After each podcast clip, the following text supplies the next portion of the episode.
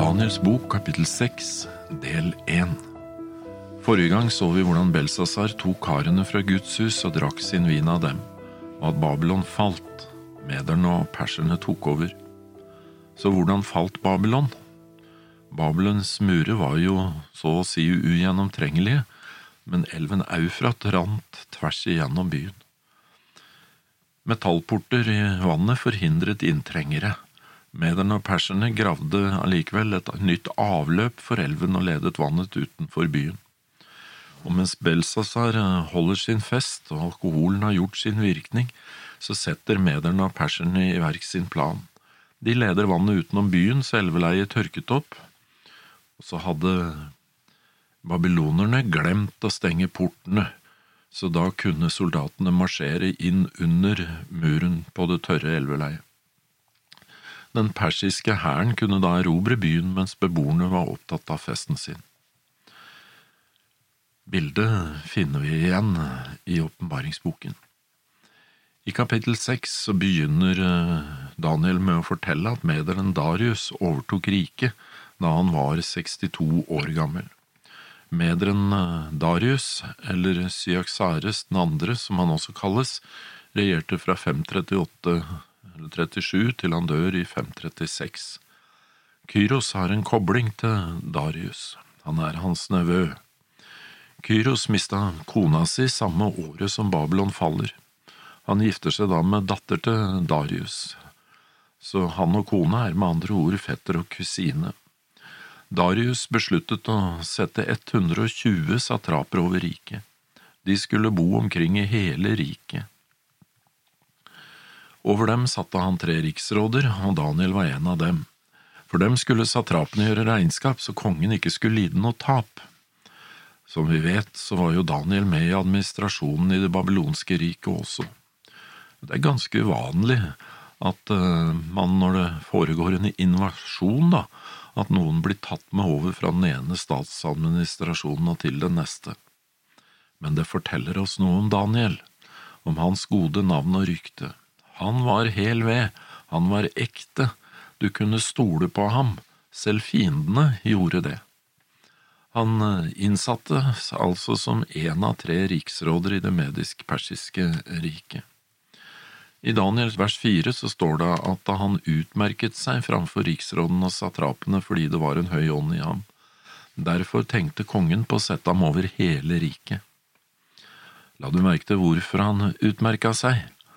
Fordi det var en høy ånd i ham.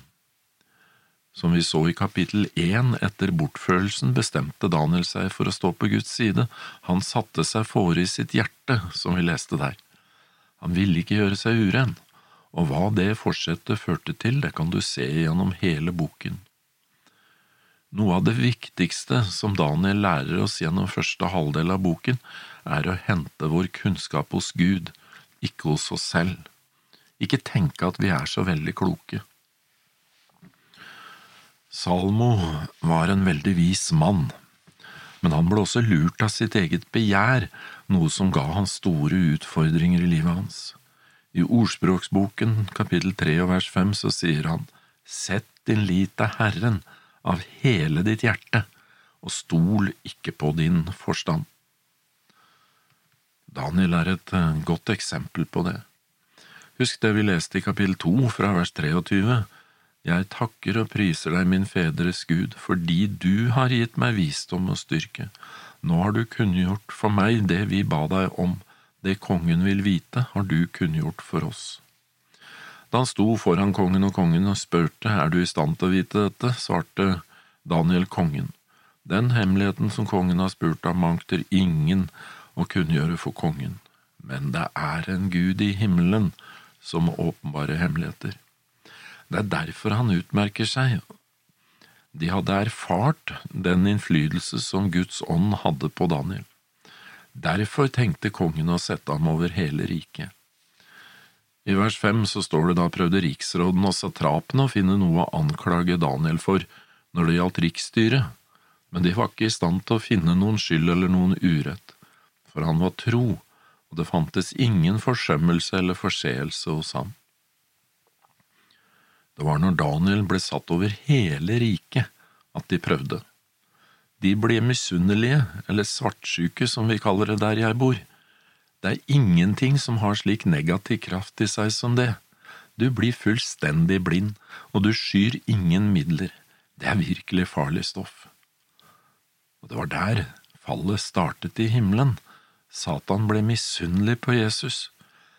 Det Gud står for, er kjærlighet, ydmykhet, han er nådig, han gir. Det Satan står for, er egenkjærlighet, stolthet, misunnelse, han vil ha.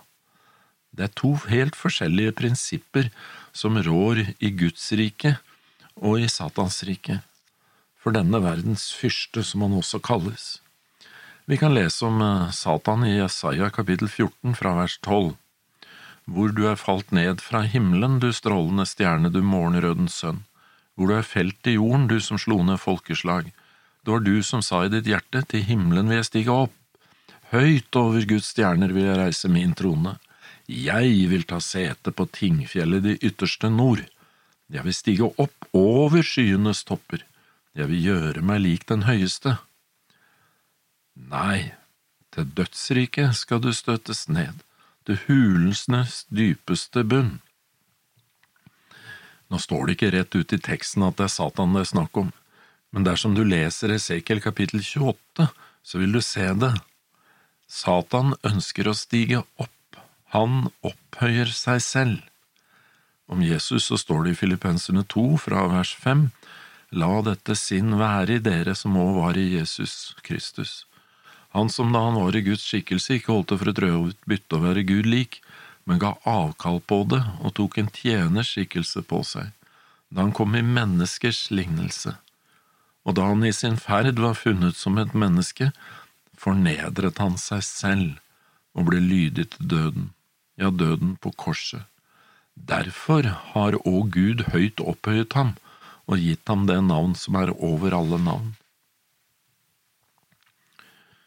Det er mange i denne verden som har villet opp, som har forsøkt å opphøye seg selv, men det ender med at de en dag støtes ned. Men dersom vi velger ydmykhet, så vil Gud løfte oss opp.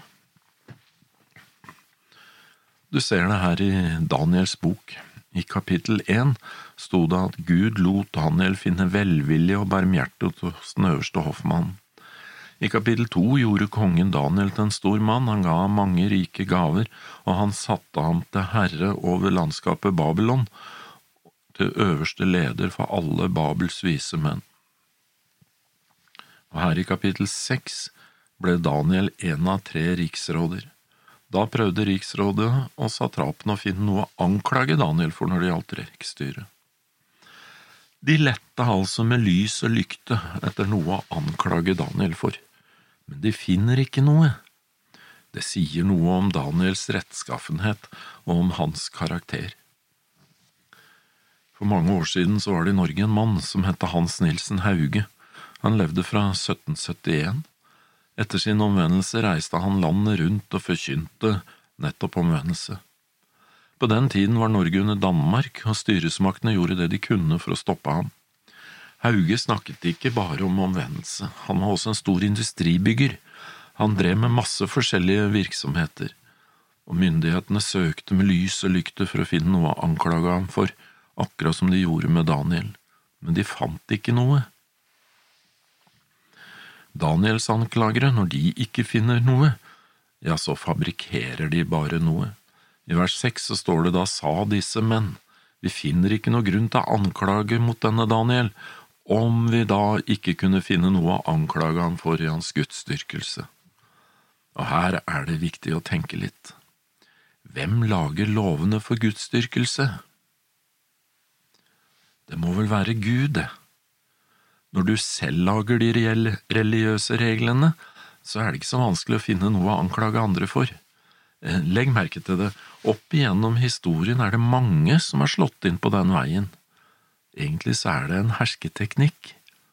Ofte er det slik at de som kommer og hakker på deg religiøst, de har en politisk agenda. Det er en måte å fremme seg selv på.